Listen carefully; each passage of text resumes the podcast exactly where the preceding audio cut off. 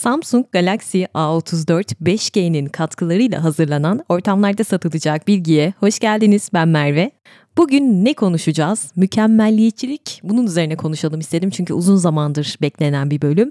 E, bu bölümde mükemmelliyetçilik nedir? Biz öyle miyiz? Olumlu ve olumsuz tarafları nelerdir? Nasıl kurtulabiliriz? Ve bunun altyapısında yatan psikolojik sebepler nelerdir? Yani çocukluğumuza ineceğiz yine. Yani kısacası en iyiyi ararken iyiyi kaybedenlere gelsin bu bölüm.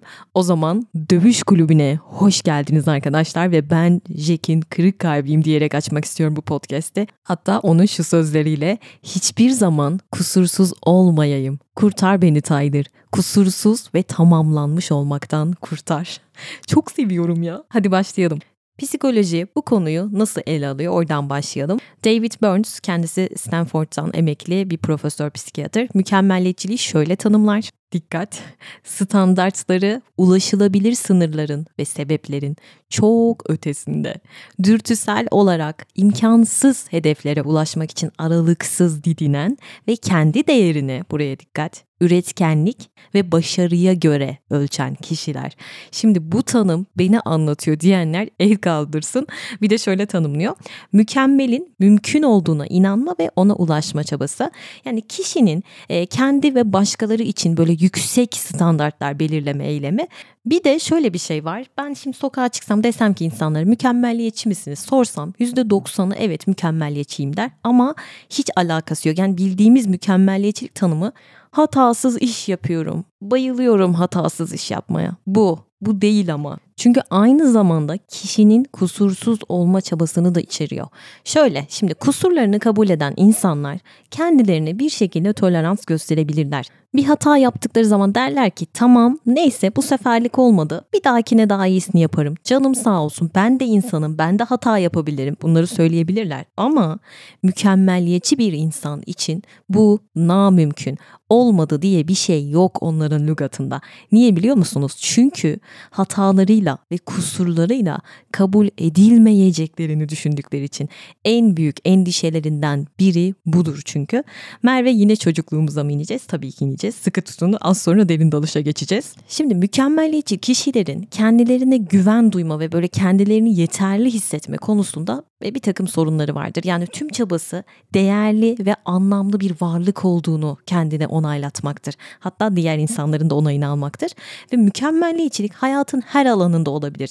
Biz bunu şey genelliyoruz işte mükemmelliyetçiliğim her alanda öyle bir şey yok. Kimi işte olur, kimi aşkta, kimi ev işlerine kafayı takar, kimisi bedeni konusunda böyledir. Yani farklı farklı alanlarda olabilir. Çünkü dediğim gibi genelde mükemmelliyetçiyim deyince aa hiç öyle durmuyorsun diyenler olabiliyor. Herkesin alanı başka. Mesela ev temizlik konusunda düşünelim böyle olan birisi. Mükemmel temizlikte bir evim olmalı der ve bunu yapmak için ne yapar? 7-24 temizlikle uğraşır. Standartları çok yüksektir çünkü yani o ev böyle bal dök yala olmalıdır. Ya ben elektrik prizinin içini kulak çubuğuyla temizleyen birini gördüm. Şahidim. Elf gözlerim neler görüyor Legolas. Evde en ufak bir dağınıklık olsa böyle çıldırırlar. Kendilerini başarısız hissediyorlar çünkü alttan alta. Gibi bunun çeşitleri olabiliyor. Ama en baştan şunu söyleyeyim. Bir yararlı mükemmelliyetçilik var. Bu güzel bir şey. Bir de yararsız olanı var. Hepsi de kötü değil arkadaşlar. Buradaki ayrım e, bu tarz olumsuz sonuçlara rağmen işte misal evi bir gün temizlemedim diyelim. Bunalıma giriyorsam eğer yani olumsuz bir etkilenme varsa ve ben buna rağmen hala o çok yüksek kişisel standartlara ulaşmaya devam ediyorsam çabanın içerisindeysem ve kendi değerimi burası çok önemli kendi değerimi bu standartlara göre belirliyorsam ne kadar yaklaştığıma göre o standartlara bunun üzerinden belirliyorsam işte bu zararlı mükemmelliyetçiliktir. Sonuç önemli burada. Şimdi siz gerçek bir mükemmelliyetçi misiniz ona bakalım. Birinci sorum şu. Yaşamınızda tesadüflere yer var mı? Sürprizlere açık bir insan mısınız? Yoksa bir işin nasıl yapılacağından tutun, nerede ne olacağı önceden her şeyi bilmek mi istiyorsunuz? Bütün ayrıntılara hakim olmak gibi bir derdiniz var mı? Çünkü mükemmelliyetçiler hayatlarını hep böyle kendi denetimleri altında tutmak isterler. Sürprizleri sevmezler. Nereden biliyorum? Aman Emrah üzümünü ye de bağını sorma. İkinci sorum kendinizi hunharca eleştiriyor musunuz? Hani hiç kimseye gerek yok. Ben zaten kendimi ölümüne eleştiriyorum diyenler. Diğer insanların sizi ancak mükemmel olduğunuz zaman böyle değerli görüp sevineceğini düşünüyor musunuz? Yani ben kusurlarımla kabul edilmem inancı var mı içinizde bir yerlerde? Ya da doğru olanı yapmak için ne kadar zaman harcıyorsunuz? Böyle 30 saat incik cıncık uğraşıyor musunuz? Karar alırken çok zorlanıyor musunuz? Bu da önemli bir detay. En ufak bir kararda bile atıyorum bir ayakkabı alacaksınız. 8 tane AVM gezmem lazım diyor musunuz? Ayrıntılarda boğuluyor musunuz? E, ya da işte konuşurken e, karşı taraftan gelecek tepkilere karşı çok duyarlı mısınız?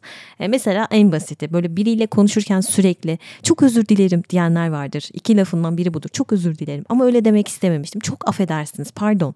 Yani ufacık bir kelime hatası yapsa hemen böyle düzeltmeye çalışan insanlar vardır. Yanlış anlaşılmaktan o kadar çok korkarlar ki. Veya işte sürekli siz konuşurken düzeltenler de vardır. Bazen gıcık olursunuz. Onlarda da var aynısı. Yani yanlış anlaşılmaktan çok büyük bir korku duyma. En ufak bir sorun yaşadığınız zaman hemen böyle şikayet edip sızlanır mısınız? O işin e, olumlu yönlerini bir anda bırakıp olumsuza mı odaklanırsınız? E, eşyalarınızı saklama konusunda nasılsınız? Mesela istifçi misiniz? Hiç atmayan, hiç kimseye vermeyen bunlarda da olabiliyormuş. Arkadaşlarınızdan e, böyle yakınlarınızdan bir şey isterken çekiniyor musunuz? Çünkü diğer kişilerin sizin kadar o işi iyi yapmayacağını düşünebilirsiniz. En iyi ben yapıyorum, en mükemmel ben yapıyorum. O yüzden e, bu işi de tek başıma kotarırım deyip haydi böyle 8 kişinin yapacağı işi tek başına yapmaya kalkıyor musunuz? Sırf güvenmediğiniz için o mükemmel olmayacak diye. E, ya eve temizlik için yardımcı alıp ondan daha çok yorulan insanlar tanıyorum. Mükemmeliyetçi olduğu için. Veya e, bir işi böyle başkasına devredip sürekli kontrol eder misiniz? Yaptı mı yapmadı mı? İyi yaptı mı? Benim istediğim gibi oldu mu? O standartı yakaladı mı? diye. Ya da bir iş yaptınız hani normal bir insan 2-3 kere kontrol eder. Mükemmeliyetçi bir insan onu 30 kere bakar kontrol eder. Böyle didik didik eder. Mükemmeliyetçiyseniz sizinle program yapmak çok zor olur. Çünkü programı hep böyle kendisine uyana kadar 30 kere değiştirir onlar. Ya şöyle mi yapsak böyle mi yapsam bu olmadı ya sanki falan böyleler yani. Zaman ve yer konusunda da kendi öncelikleri vardır o insanların. Yani karşısındaki insan ona uyusun ister.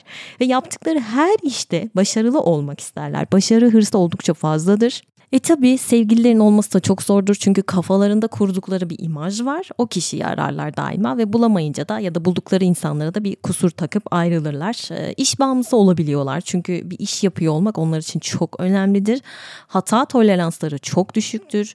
E, zamanında yapılmayan, eksik bırakılan işler inanılmaz öfkelendirir onları ve yaptıkları iş için böyle olumsuz yoruma çok fazla açıktırlar.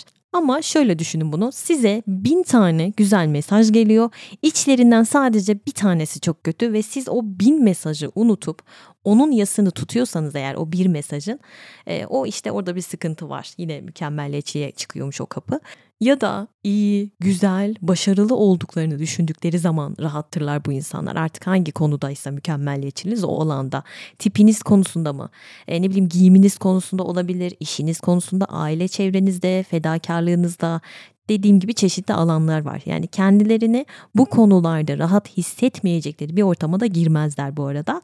İnsanlarla olan ilişkilerinde de genelde e, zihinlerini meşgul eden o olumsuzlukları konuşurlar. Hatta insanlar onları bu yüzden çok negatif, hep böyle sorunlara odaklı yaşayan biri gibi düşünebilir. Ve sürekli kullandıkları bir söz vardır. En iyisi, en iyisi, daha iyisi, en daha bunları söylerler. Onların hayatında ortalama diye bir şey yoktur. Yaptıkları iş daima en iyisi olmalıdır. Ama enteresandır da böyle son dakikaya kadar da yapmazlar işlerini. Ertelerler çoğu mükemmeliyetçi insan. Çünkü ertelemenin de altında konuşmuştuk daha önce o podcastimde, erteleme podcastimde. Ne demiştim? Mükemmeliyetçilik var demiştim değil mi? Ve başarısızlık korkuları onları adeta felç eder çünkü. O yüzden ertelerler. Ve hedefledikleri standartlara e, ulaşınca da yine memnun olmazlar. Bunu şöyle şöyle düşünün. Mükemmelliyetçi insan e, bir dağa tırmanıyormuş gibi düşünün. Hedefi var dağın tepesine çıkmak. E, çok yüksek bir standart. Bu standartı yakalar dağın tepesine çıkar ama bu onu mutsuz eder. Kendine yepyeni bir dağ bulur acilen. Böyledir bir iş yapacakları zaman şartların istediği gibi olmasını beklerler. Derler ki ama şu an bu böyle değil ama masam düzenli değil. Ben şunları bir şöyle yapayım ondan sonra. O yüzden de dediğim gibi yine ertelemeye giderler. Kısaca toparlarsam en önemli özellikleri şunlardır. Birincisi zorlayıcı standartlar ve öz eleştiri yaparlar. İkincisi olumsuz etkilerini bilmelerine yaşamalarına rağmen o zorlayıcı standartlara hala hala ulaşma çabaları vardır. Üçüncüsü de en önemlisi öz değerlerini o yüksek standartlara dayandırırlar. Kendi öz değerinizi ne olduğunuza göre değil, ne yaptığınıza göre belirlersiniz eğer bir mükemmeliyetçiyseniz. Şimdi eminim çevrenizde çok vardır. Ben mükemmelliyetçiyim ya diyenler. E artık onlara bir dur deme zamanı bence. Hayır abi değilsin. Çünkü çoğumuz bunu dediğim gibi en iyiye ulaşmak için gösterilen çaba olarak algılıyoruz. Ama gördüğünüz gibi mükemmelliyetçi olmak o kadar kolay değil. Yani o maddelerden yüzde kaçı size uydu mesela değil mi? Merve ben mükemmelliyetçi miyim acaba? Yani kendim için hep en iyisini isterim diyenler de olabilir. Hayır çoğumuz bunu isteriz. Önemli olan en iyiyi ararken iyiyi kaybetmemektir diye düşünüyorum. Ve şimdi size acayip iyi bir şeyden bahsetmek istiyorum. Samsung A34 5G. 6.6 inç sonsuz U ekranı ile görüşünüzü genişletmek ve FHD Plus Super AMOLED ekranı ile ışığın en parlak olduğu dış mekanlarda bile sevdiğiniz her şeyin keyfini canlı yüksek çözünürlük ve gerçek hayattakine benzer renklerle yaşamanız mümkün. Pil ömrü sıcaklık ve belleğini optimize etmek için oyun oynama alışkanlıklarınızı izlerken arka plan aktivitelerini ve bildirimleri engelleyerek daha fazla odaklanmanızı sağlıyor. Stereo hoparlörleriyle oldukça güçlü bir ses deneyimi sağlıyor.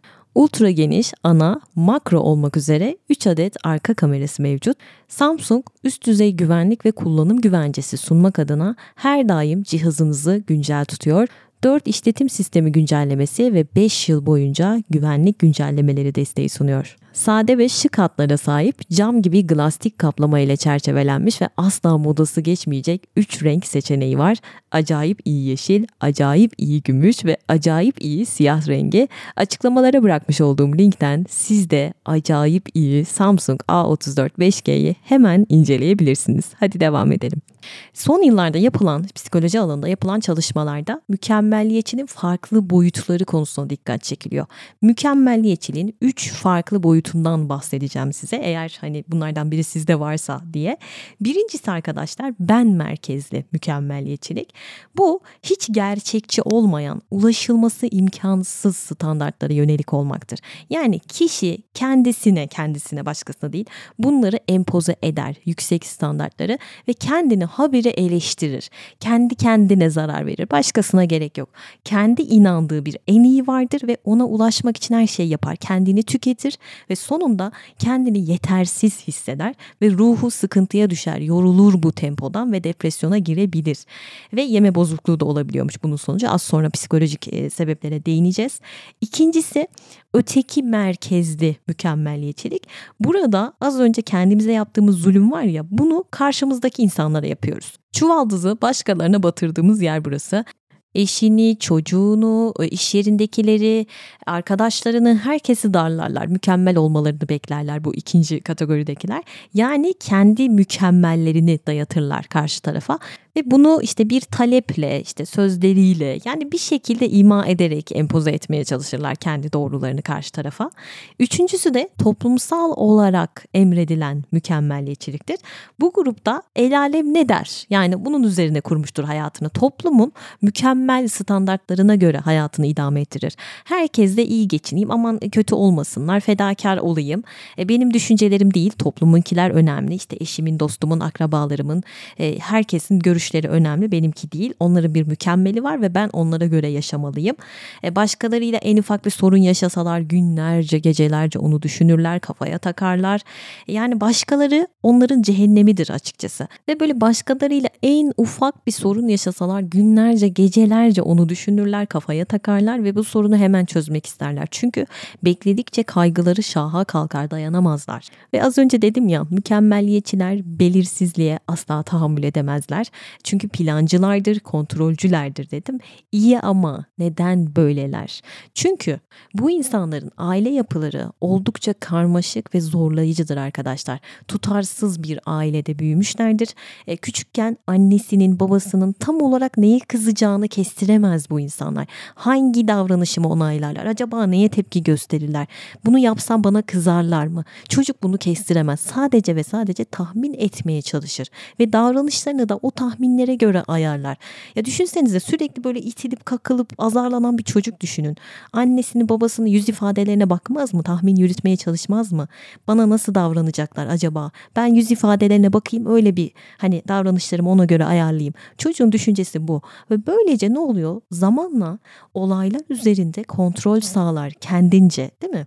Sonra o çocuk büyür, yetişkin olur ve aynısını etrafındakilere yapar. İnsanların sözlerine ve gözlerine bakarak ayarlamaya çalışır davranışlarını. Ona göre bir tahmin yürütür. Eğer bu tahmini yürütemezse o belirsizliğe, o kaosa gelemez. Tahammülünün olmaması sebebi bu. Plancılığı, kontrolcülüğü, altyapısında bu var. O yüzden çocuklarınıza davranışlarınızda tutarlı olun der pedagoglar değil mi genelde? Yani tutarlı olmadığınız zamanlar elbette olabilir ama bence bunu açıklığa kavuşturmalıyız. Hani neden bu davranışı sergilediğimizi çocuğa anlatmalıyız diye düşünüyorum ben. Ve yetersizlik duygusuna geleceğim. Yetersizlik duygusu neden var mükemmeliyetçilerde? Şimdi yetersizlik deyince direkt tabii ki Alfred Adler'den bahsetmem gerekiyor. O bu konuda çok çalışmıştır ve Adler'e göre insan zaten e, sürekli olarak fiziksel ve ruhsal eksikliklerini ve bunu izleyen yetersizlik duygusunu gidermeye çalışır. Hani eksiktir ve bu yetersizliği gidermeye çalışır. Ama yine altyapısında çocukluğumuz var. Şimdi örnek vereyim size. Zaten bu duyguyu geliştirenler ebeveynlerimiz. İşte çocukken üşümüşsündür çorabını giy. Acıkmışsındır yemeğini ye. Hayır daha karnın doymadı bunu da yiyeceksin. Tuvaletin gelmiştir hadi. Halbuki çocuk konuşabilecek bu yaşta bebek değil söyleyebiliyor. Ya geçen çocuk diyor ki anne doydum. Hayır diyor yiyeceksin doymamışsındır. Ya bu ne demek biliyor musunuz? Sen ihtiyaçlarının farkına varamayacak kadar yetersizsin Çocuğun dünyasında bu bu. Çocuk da bunu aşmak için Adler'e göre konuşuyorum. Uğraşıyor. Yetersizlik duygusunu aşmaya çalışıyor. Didiniyor değil mi?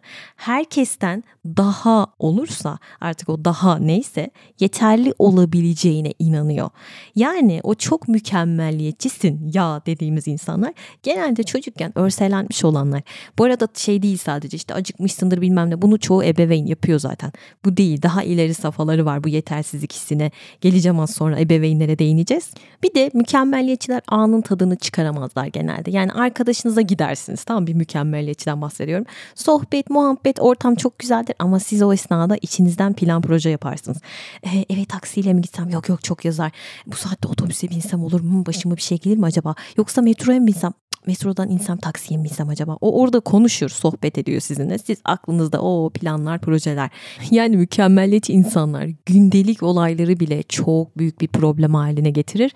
E, siz varın o büyük olaylara nasıl bir tepki verdiğini düşünün. Yani zihinleri bütün gün bu şekilde çalışıyor. Hesap, kitap, plan, proje en ufak şeyleri bile mesele haline getirebiliyorlar. Bir de mükemmelliyetçiler karşılarındaki insanla öyle kolay kolay çatışmaya falan girmezler. Neden? Çünkü kusursuz imajları sarsılır, mükemmel görüntüleri. Herkesin suyuna giderler. Düşüncelerini açıkça ifade etmezler.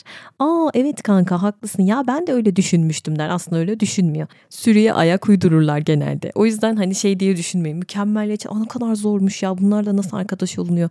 Hayır genelde böyle çok uyumlu bir tavır sergiliyorlar. Kendilerine dediğim gibi bir hedef koyarlar Oraya ulaşmak için varını yoğun ortaya koyarlar. Ulaşınca da o hazları uzun sürmez. E, gider kendine yeni bir hedef belirler. Onu bırakıp ona geçerler. Sonra o hedefi de başarıp daha başka başka şeyler bulurlar. Yani anlattıklarım hepsi olacak diye bir şey yok. Çeşitleri var. Hani ben mükemmeliyetçiyim diyorum ya size. Bende belki yüzde kırkı falan vardır bu anlattıklarımın ki fark ettikten sonra ben aşmaya çalıştım. Daha önce söylemiştim size bir bölümde. Bir de şu var. E, çocukken böyle el bebek gül bebeksinizdir derken bir kardeşiniz olur. İşte anne babanızın ilgisi full kardeşinize kayar. Bir rekabet duygusu olur kardeşinizde gizlice böyle.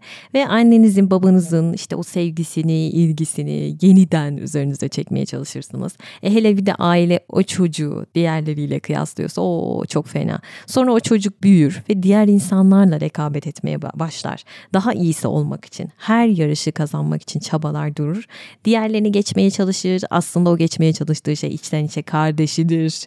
İsterler ki ki patronları, öğretmenleri onlara böyle tebrik mesajları atsın, takdir edilsin sürekli ve daha çok işte onları sevsin patron, onları çok sevsin.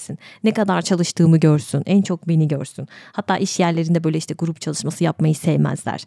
E, kendi performansları çünkü arada kaynayacaktır. O yüzden istemiyorlar. Ve bu tabii sadece kardeşle alakalı bir durum değil. Ben en bilineni söyledim rekabetçilikle alakalı. Ve mükemmelliyetçiler duygularını kolay kolay dışarıya yansıtmazlar.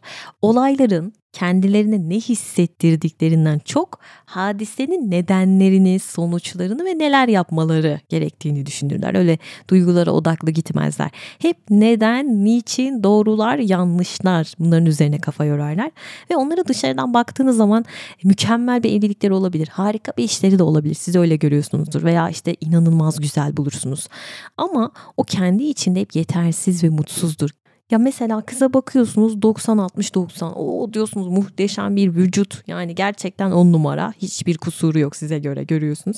Ama kız diyor ki yok hayır ya ben mutsuzum, yetersizim. Daha iyisi olmalıyım der mesela. Ve sürekli zaten kurdukları cümleler meli malı ifadeleriyle doludur. Akşama 3 çeşit yemek yapmalıyım. Bunu dememeliyim. Dikkat etmeliyim. Bunları Meli Malı hep duyarsınız. Sizi değiştirmeye çalışır bir mükemmeliyetçi. Sizi beğenmez. Sadece kendini değil sizi de beğenmeyebilir bazı mükemmeliyetçiler.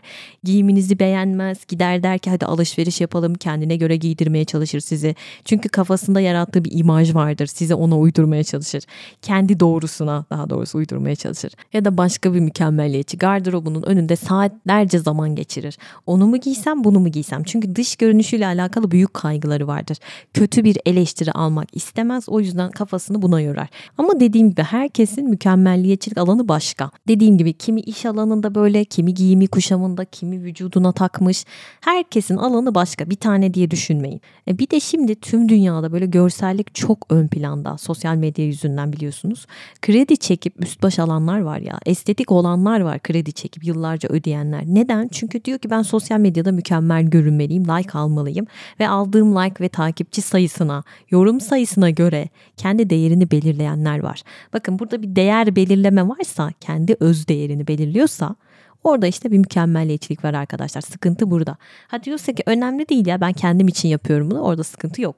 Peki böyle biriyle yaşamak acaba nasıldır Merve dediğinizi duyar gibiyim. Bence bir süre sonra tükenirsiniz. Yani hep sabırlı olmak zorundasınız. Düşünsenize ev için alışverişe çıkacaksınız. Bu bile bir kabusa dönebilir. Kararsızdır ya da o kadar incığına cıncığına iner ki her şeyi o kadar ince ince hesap eder ki artık böyle kafayı yeme noktasına getirir sizi. Hatta işte 40 tane yeri ayrı arar ayrı ayrı fiyat alır. Siz zannedersiniz ki ne kadar cimriymiş aman tanrım. Hiç alakası yok. Mükemmeli arıyor cimri değil. Sonradan pişman olmamak için eleştirilmemek için ve kendini de eleştirmemek için bunu yapıyor. Ya da işte bazı anne babalar çocukları için böyledir. Ee, onları böyle kendi mükemmellerine göre büyütmeye çalışırlar. Her şeyi yaparlar. İşte bir gün yoğurt mayalamasa sanki o çocuk bir kaşık hazır yoğurt yese ve komaya girecek böyle anneler var. Neden? Çünkü mükemmel yapmalı ya anneliğini dört dörtlük yapmalı. Dışarı çıkmaz, hiç kimseyle görüşmez, kendine bakmaz, kendini çocuğuna adadığını söyler. Aslında o adamı değil, hayalindeki mükemmel bir anne var. O imajı yakalamaya çalışıyor, o standarta ulaşmaya çalışıyor. O yüzden hayatı kendine zindan ediyor. Ya da eşi için de bunu yapanlar var. Kendini tüketircesine işte diyor ki beş çeşit yemek yapmalıyım eşime. E, evi muhteşem böyle temizlemeliyim. Ütüler jilet gibi olmalı falan. Niye abi? Niye böyle bir şey yapıyorsun yani? Kendine neden bu kadar tüketiyorsun? Bir düşün bakalım. Dediğim gibi eğer size zarar veriyorsa yaptıklarınız yani şikayetçi olmuyorsanız bundan e, yorulmuyorum ya bana da iyi geliyor psikolojime hiç sıkıntı yok diyorsanız zaten sorun yoktur. Dediğim gibi eğer öz değerinizi burada belirliyorsanız orada sorun var. Şimdi buraya kadar anlattıklarımdan yola çıkarak kendi kendinize belki şöyle söylemiş olabilirsiniz. E Merve insanın hedeflerinin olması, onlara ulaşmaya çalışması kötü bir şey mi? Miskin mi olalım demiş olabilirsiniz. Hayır. Mükemmelliyetçilik de sağlıklı bir mükemmel anlayışı. Bunu ayırt etmeye çalışıyoruz. Zorlu bir hedefimiz olabilir. Evet, buna ulaşmaya çabalayabiliriz. Çok güzel. Bu bize başarma ve tatmin duygusu verir mi? Tabii ki verir. Ama şu var. Hedefe ulaşamazsak, kendimizi hayatı zindan ediyorsak orada bir sorun var ya. Ya ben insanım abi, denedim, olmadı, çalıştım, yapamadım. Bunu diyebilmemiz gerekiyor. Yani öz değerimi bunlar üzerinden belirlememeliyim, değil mi? Bunu anlatmaya çalışıyorum. Bazı müzisyenler, sporcular saatlerce çalışıyorlar atletler falan. Çünkü işleri bununla paralel bunu yapmak zorunda zaten. Yani yüksek performans sergilemesi gereken bir işi var. Çok normal bunu söylemiyorum. Başarıları zaten buna bağlı. Bu çok okey bir şey burada sorun yok. Sorun şu Eğer siz kendinizle ilgili görüşünüzü belirli alanlarda ne kadar başarılı olduğunuza bağlıyorsanız orada bir durup düşünmemiz gerekiyor. Tüm olumsuz sonuçlara rağmen o aşırı yüksek standartın peşinde koşuyorsanız orada bir sıkıntı var. Ben bana zarar verdiğini bile bile bunu yapıyorsam bir durmam lazım. Atıyorum müzisyenim ben. Sahnede bir hata yaptım. Tamam olabilir ya yapabilirim. Ben de insanım demeliyim değil mi orada? Öz değerimden hiçbir şey eksilmedi değil mi? Bunu söylemem gerekiyor. Bu normali arkadaşlar. Anormalini anlatıyorum bugün. Acaba benim zararlı mükemmeliyetçiliğim var mı? Nasıl anlarım? Bunu düşünüyorsunuz şu an eminim. Şöyle anlayabilirsiniz. E, her zaman yüksek standartları yakalamak için elimden geleni yaparım, en iyisini yaparım diyor musunuz? Ama bakın yüksek standart diyorum oraya dikkat. Ne başardığınızdan ziyade ne başaramadığınız daha mı önemlidir? Ve öz değerinizi bunlar üzerinden mi ölçersiniz? Başarılarım ve başarısızlıklarım üzerinden öz değerimi belirliyorum diyor musunuz? Hatta sırf başarısız olursam korkusuyla bir takım görevlerden kaçıyor musunuz, erteliyor musunuz? En kolay bu şekilde anlayabilirsiniz arkadaşlar. Ve mükemmelliyetçiniz başka psikolojik sorunlarla da ilintili olabilir demiştim ya podcast'ın başında. Anksiyete, sosyal anksiyete, obsesif kompulsif bozukluk, depresyon, yeme bozuklukları gibi bunları biraz açmak istiyorum. Anksiyete mesela sürekli kendime böyle zorlayıcı standartlar koyuyorum. Sonra bunlara ulaşamayacağımı hissediyorum. Geriliyorum, geriliyorum ve sonuç olarak son derece gergin, sinirli ve endişeli olabiliyorum değil mi? Sosyal anksiyeteye bakalım. Mükemmeliyetin zaten yol açabileceği en yaygın anksiyetelerden biridir bu. Sosyal anksiyete çekingen davranmak değil arkadaşlar. Onun çok daha ötesinde bir durum. E, sosyal durumlarla ilgili sürekli bir gerginlik taşır bu insanlar ve bu gerginliğin temelinde e, onları böyle başkalarının önünde küçük düşürecek bir şey söylemeleri ya da işte yapmalarından dolayı duyulan kaygıları vardır. Ve sonuçta o mükemmelliğe ulaşamayacağını düşünerek sosyal ortamlarda bulunmayabilirler ya da çok çok tedirgin olabilirler. Obsesif kompulsif bozukluk OKB onunla bağlantısı da şöyledir mükemmelliyetçiliğin. OKB'si olan bazı insanlar herhangi bir işi doğru bir şekilde yaptıklarından veya tamamen yapıp yapmadıklarından şüpheye düşebiliyorlar. Mesela işte mikroplardan korkan bir OKB'li düşünün. Evini baştan aşağı temizler, kendini steril bir ortama sokar. Bunu çok katı bir biçimde yapar.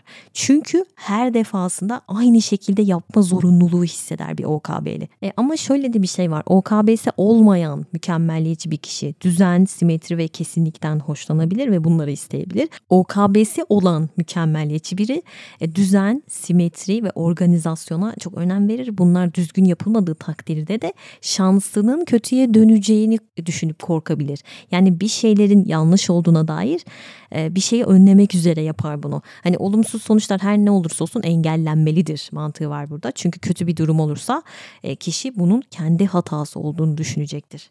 Ve gelelim depresyona. Şimdi depresyon zaten çok normal bence mükemmelliyetçiliğin neticesi olarak. Çünkü bütün günümü ben mükemmel standartıma ulaşma arzusuyla geçirirsem e, moralim bozulacak. Ulaşamazsam üzüleceğim. Yapamazsam olmayacak. Moralim bozukken de hiç zaten o standarta ulaşamayacağım için daha da kötü olacağım. Bir döngü gibi, kar topu gibi büyüyecek bu. Ve son olarak beslenme bozukluğu özellikle de böyle vücut şekli ve işte kilo ve bunların işte kontrolüne dayalı özdeğer geliştirmek bu. Kilo kontrolü için e, korkunç bir çaba harcamak. Bütün gün aç kalmak ya da işte uçlarda egzersiz yapmak. Yani kişi e, özdeğerini görüntüsünün mükemmelliğiyle belirliyorsa orada da bir sıkıntı var. O mükemmele ulaşmak için kendine zarar veriyorsa özellikle. Peki Merve, insanlar neden ve nasıl mükemmelliyetçi oluyorlar. Yani olaylar nasıl bu şekle geliyor, çığırından çıkıyor. Sanırım en merak ettiğiniz kısım burası. Aslında hem genlerimizin hem de çevremizin etkisi var. Yani mükemmelliyetçiliği e, hangi olayların, hangi etkilerin tetiklediğini tam olarak bilmiyoruz. E, mesela ikizler üzerinde bir çalışma yapılıyor ve mükemmelliyetçiliğin %24 ila 49'unun genetik olarak atalardan miras alındığı sonucu ortaya çıkıyor. Ha genler evet büyük bir etken ama bu değiştirilemeyeceği anlamına mı geliyor? Asla. Hani bunu bunu yapabilenler var. Yani gidip psikolojik bir destek alıp gerçekten bunu yenen insanlar var. Araştırmalar bunu gösteriyor. Peki bu insanlar nasıl bir ailede büyümüş olabilir? Bundan bahsetmek istiyorum.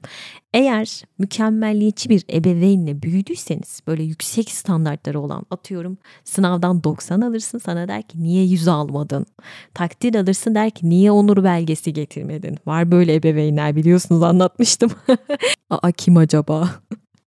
Talepkarsa, cezalandırıcıysa, Bundan dolayı da olabilir. Aşırı kontrolcüyse, e, duygusal bakımdan e, yetersiz ve küçümseyici ise, kötümserse, karamsarsa, sürekli kusurlarınızı bulmaya odaklanmış bir ebeveyniniz varsa bu mükemmelliyetçe yol açan sebeplerden birisi. E, Karen Horney'e göre ebeveynleri tarafından sevgi ihtiyacı karşılanmayan çocuk dünyaya karşı düşmanca duygular geliştirebilir ve bunu bastırmak isterken o çocuk bir kaygı oluşturur o düşmanca duygularını.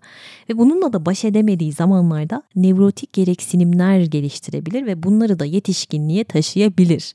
Nedir o nevrotik gereksinimler Merve? mükemmelliyetçilik işte ve doğruluk gereksinimi. Çünkü birey mükemmel olmak adına hata yapmaktan korkar, kaygılanır. Çünkü eğer hata yapmaz ve mükemmel olursa ne olacaktır? Sevilecektir, saygı görecektir ve eleştirilmeyecektir. Çocuk böyle düşünür ve bunu yetişkinliğine taşır.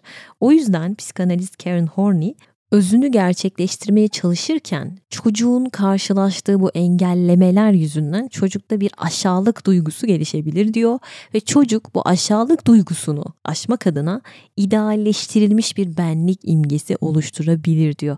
Hatta daha ileri safhasını söyleyeyim görkem arayışına girebilir. Yani bunun e, inanılmaz bir hırs, zafer, kazanma odaklı, e, kincilik getirdiğini söyleyebilirim. Ve bütün bunlar olumsuz mükemmelliyetçiliğe giden yolu döşeyen taşlardır arkadaşlar. Sonra o çocuklar büyürler ve kusurlarından dolayı asla sevilmeyeceklerini düşünürler. Onay bağımlısı olurlar. İnsanlar onları onaylamazsa diye korkarlar ve bu korkularından dolayı yalnız da kalabilirler. Erteleme hastalığına da tutulabilirler. Kararsızlık hastalığına da tutulabilirler. Bence artık bunu ailelerin yapmasına gerek yok. Yani zaten bu eğitim sisteminde bence bizi yarış atına çevirdikleri için işte notumuz kadar önemliyiz değil mi? Notumuz üzerinden bir özdeğer biçildiği için bize zaten aileye de gerek kalmadı bence. Zaten sistem bunu yapıyor. Aa, hatta yeri gelmişken size çok sevdiğim bir film önereyim.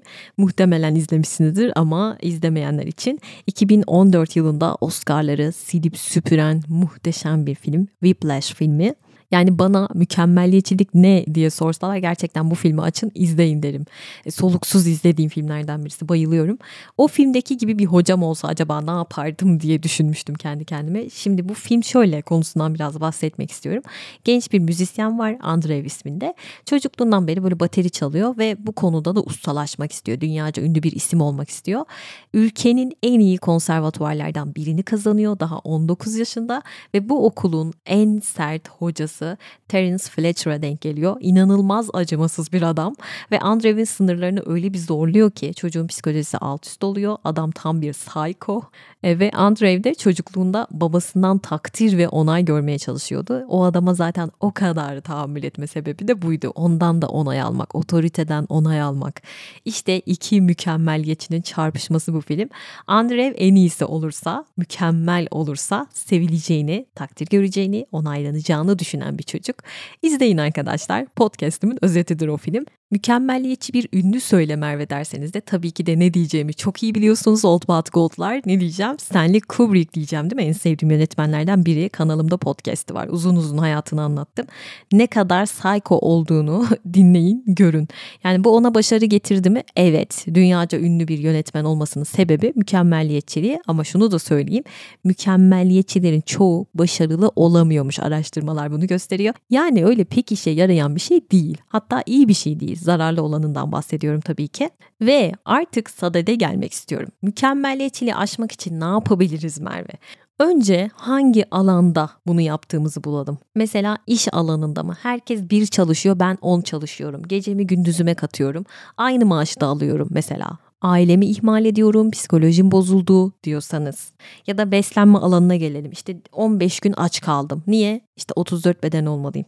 Tekrar niye diye soracağım. Neden 34 beden olmak istiyorsun? Yani insanların takdir ve onayını kazanmak için mi yoksa giydiklerim üstüme yakışsın, e, zayıflıktan hoşlanıyorum gibi mi? Yani her yaptığımızın sonunda şunu soracağız. Ben bunu niye yapıyorum? Öz değerimi kanıtlama çabam mı var? Bunun altyapısında ne var? Bunu sormamız gerekiyor. Yararlı mı zararlı mı zaten öyle ortaya çıkar. Atıyorum kişisel hijyendir benim mükemmelliyetçilik alanım ve günde 4 kere 5 kere duş alırım ellerim soyulana kadar yıkarım bakın burada bir sıkıntı var. Yani önce o alanı bulmamız tespit etmemiz lazım sonra bunları yaptığımız anları kaydetmemiz gerekiyor. Yaptığınız an yakalayın kendiniz. Yani ne zaman kendinizi böyle acımasızca eleştiriyorsanız, o yüksek standardı yakalayamadım diye üzülüyorsanız bunları hemen o an not edin arkadaşlar. Öz takip deniliyor buna.